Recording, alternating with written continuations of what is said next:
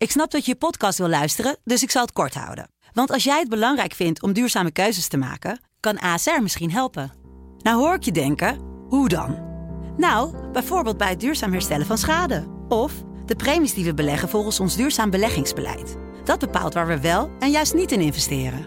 Wil je meer weten over welke duurzame keuzes ASR maakt? Ga dan naar asr.nl/slash duurzame keuzes. ASR doet het. Zo, dan kan je nu lekker naar je podcast luisteren.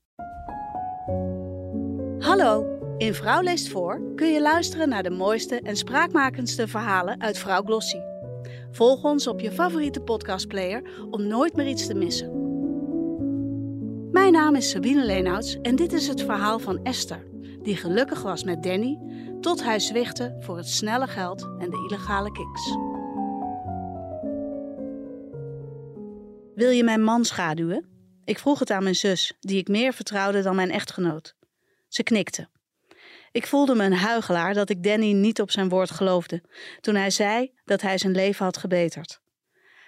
Wat mijn zus ontdekte, was de doodsteek voor onze relatie. Mijn zorgzame, romantische man was veranderd in een keiharde drugsdealer. De eerste keer dat ik Danny zag, was ik 26. Danny was toen 31 en alles aan hem was beter en leuker dan bij eerdere vriendjes. Danny had zijn leven op de rit en een goede baan in de jachtbouw. Onze eerste date was een tripje naar Parijs in zijn sportwagen. Ik dacht vaak dat ik droomde. Waarom had ik zoveel geluk? Dolverliefd gingen we samenwonen. We hadden allebei een kinderwens, maar wilden eerst een paar jaar wachten tot we ons leven op orde hadden en waren uitgeraasd. Vanuit onze piepkleine flat kochten we een eensgezinswoning die Danny zelf opknapte. Hij was de perfecte man. Hij werkte hard en werd gerespecteerd op zijn werk. We hadden fijne vrienden en een zorgeloos leven vol zonneschijn. Danny was altijd lief en zorgzaam. Hij genoot van de kleine dingen. Soms stuurde hij foto's van een zonsondergang, gemaakt door de patrijspoort van een boot waaraan hij werkte. Dat vond ik zo romantisch. Ook toen het prillen eraf was, bleven we altijd ons best voor elkaar doen. Dat veranderde toen we graag kinderen wilden.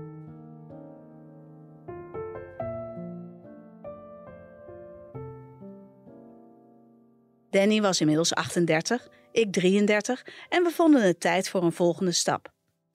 Een zwangerschap bleef uit. Hadden we voorheen zo'n twee keer per week seks, nu kelderde dat naar twee keer per maand. En dan alleen als ik had getemperatuurd en in mijn vruchtbare dagen bleek te zitten. Ik voelde me een broedmachine. Dat had effect op mijn libido. Ik heb twee IVF-behandelingen ondergaan en toen was ik er klaar mee. We waren altijd zo gelukkig geweest met z'n tweetjes. Ons leven was toch niet over als we kinderloos bleven? En hoorde je niet vaak dat als de druk eraf was, een zwangerschap soms spontaan ontstond? Danny was het met me eens. Hij miste de gezelligheid van onze relatie. De avondjes borrelen op het strand, met onze voetjes in het zand. De eindeloze gesprekken, bomen over het leven. We hadden het alleen nog maar over ziekenhuisbezoeken en hormonen. Dit wilden we niet. Danny besloot om de drie heftige jaren af te sluiten met een weekend naar Parijs in onze sportwagen. We sliepen zelfs in hetzelfde hotel als die eerste keer. En ook deze keer kwamen we amper ons bed uit. Behalve om s'avonds gezellig te dineren en de Franse joie de vivre op te snuiven. We waren super trots op onszelf dat we deze moeilijke periode samen konden afsluiten en dat we elkaar altijd weer vonden. We hoorden heus wel de verhalen van stellen die zo'n traject niet volhouden, of waar de relatie klapt omdat het verdriet te groot is. Dit hebben wij maar mooi samen gedaan, proosten wij in een bistro.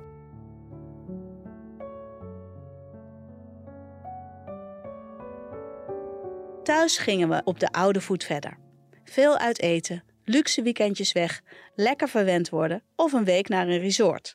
En dat beviel ons zeer. We fladderden weer door het leven. Tot Danny na een jaar opbiechte dat hij zijn werk niet meer leuk vond. Al sinds zijn zeventiende was hij timmerman en ook al verdiende het goed, hij was klaar met het vroege opstaan, met het zaagsel en de vervlucht, met zijn collega's en met de dagelijkse rit naar de werf. Wat hij dan wel wilde, wist hij niet. Maar omdat we genoeg gespaard hadden, besloten we in overleg dat Danny drie maanden thuis zou blijven om zichzelf opnieuw uit te vinden. Wat wilde hij wel? Wat voor werk zou hij nog meer kunnen gaan doen? Dolblij kwam hij na zijn laatste werkdag naar huis. We trokken een fles champagne open om ons nieuwe leven te vieren. Misschien konden we een bed and breakfast beginnen in een oude boerderij. Kon hij docent handenarbeid worden? We keken deze nieuwe wending vol vertrouwen tegemoet. Maar toen de drie maanden om waren, kwam Danny erachter dat hij voor de meest simpele baan een serieus diploma nodig had. Hij was als timmerhulp in het vak gegroeid en hij had zich gespecialiseerd. Terug naar de werf wilde hij absoluut niet. Zelf werk ik bij een slagerij en gelukkig hadden we mijn inkomen nog. Ook al wilde Danny zich dolgraag nuttig maken en verlangde hij terug naar het onbezorgde leven dat we voorheen hadden. De terrasjes met luxe tappersplanken en de spontane dagjes uit. Maar overal waar hij solliciteerde werd hij afgewezen. Te weinig ervaring, te weinig opleiding, te oud. Het lukte gewoonweg niet en Danny werd steeds ziekeneuriger en begon op geld te letten.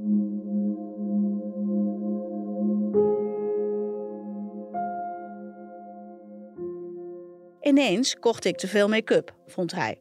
En ik kon toch ook minder vaak naar de kapper? Was dat speciale merk voer voor de hond trouwens echt nodig? Ruzie kregen we niet, maar de sfeer in huis werd wel ongezellig. Ik slaakte dan ook een zucht van verlichting toen Danny via een buurman aan de slag kon als taxichauffeur. Hij woonde al zijn hele leven in deze stad en kende de weg op zijn duimpje. Ook waren er veel ritten van en naar Schiphol. Ik was opgelucht. Ik had mijn man terug. Danny bloeide weer op.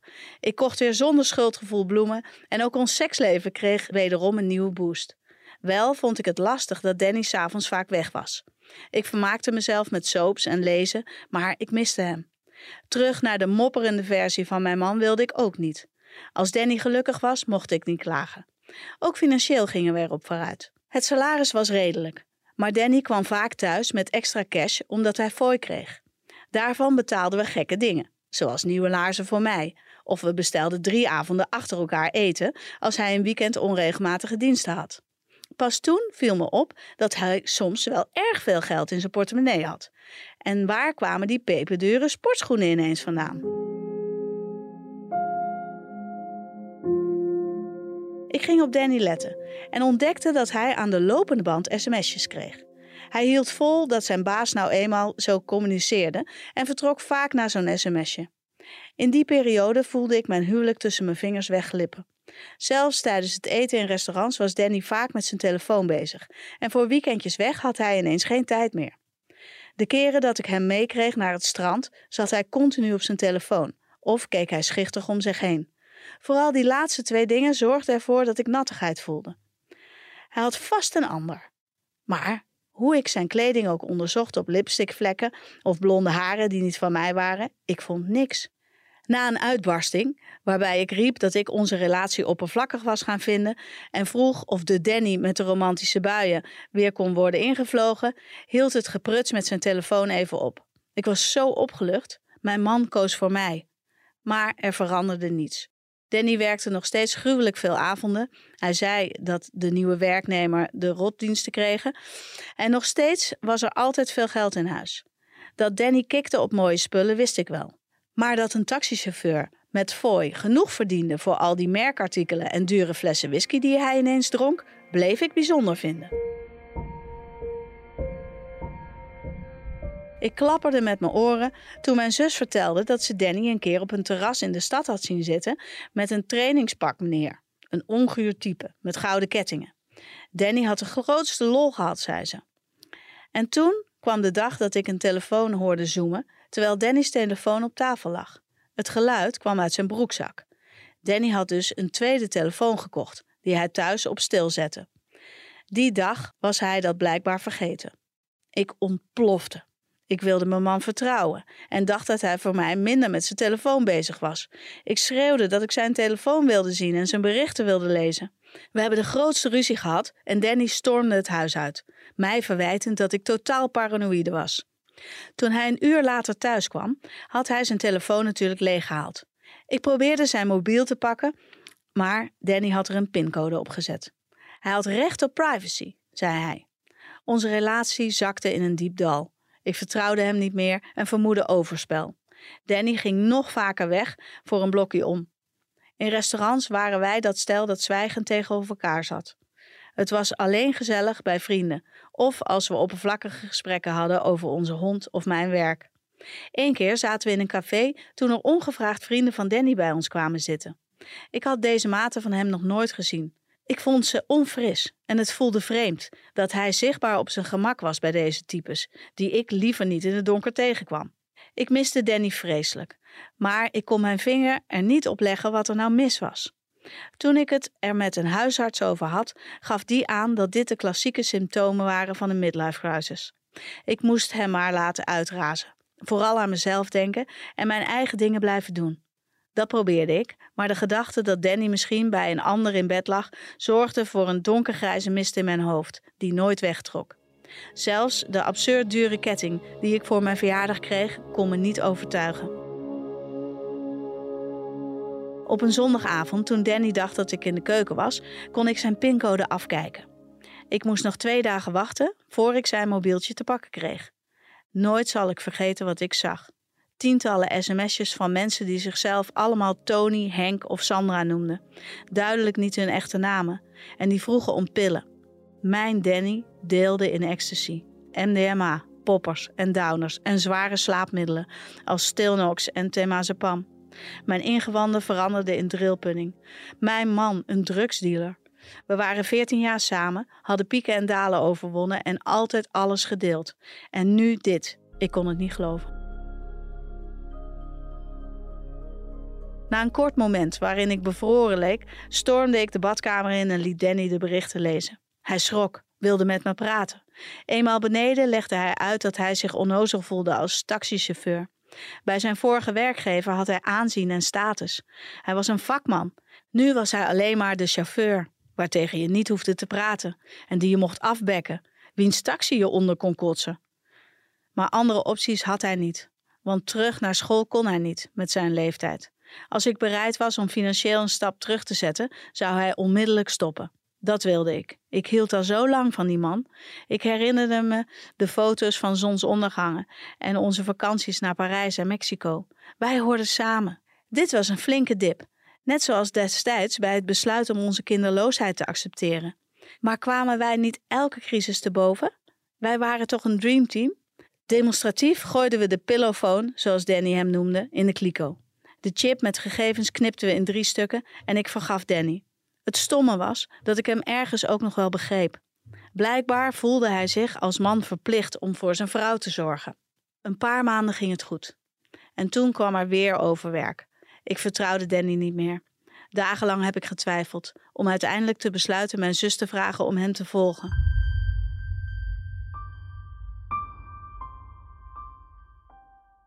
En ja hoor, Dennis' klanten wisten precies waar zijn taxistandplaats was.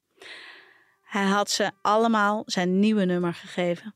De kick van het illegale, de ingangen die hij nog had om die rotzooi te kunnen verkopen en het snelle geld hadden hem opnieuw verleid. Ik confronteerde Danny met de foto's die mijn zus had gemaakt terwijl hij geld ontving van klanten en zelfs een envelop aan de deur bezorgde bij een dure villa. Ontkennen had geen zin. Dat wist hij.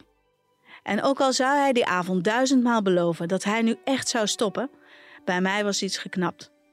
Buiten het feit dat ik pertinent tegen drugs ben en mijn man nota bene harddrugs verkocht, ik vertrouwde hem niet meer. En dat vind ik essentieel in een relatie. Mijn geloof in hem was op. Deze man loog tegen mij. Niet één keer, maar bijna anderhalf jaar lang. Ik ben tijdelijk bij mijn zus ingetrokken en heb de scheiding in gang gezet. Het was een helse tijd. Vaak dacht ik: moet ik hem niet vergeven? Maar dan las ik verhalen over moeders die hun kinderen verloren aan drugs en dan was ik weer genezen.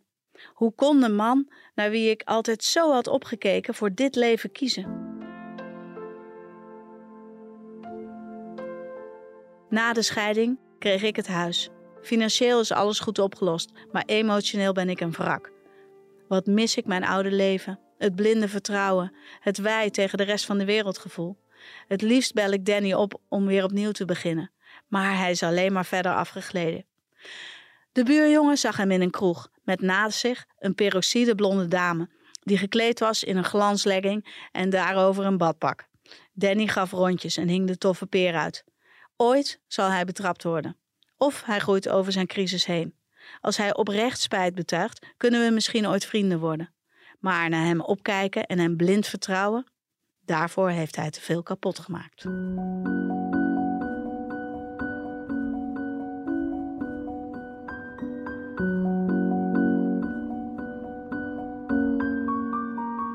Dit verhaal staat in Vrouw Glossy nummer 5, 2022, geschreven door Eveline Karman.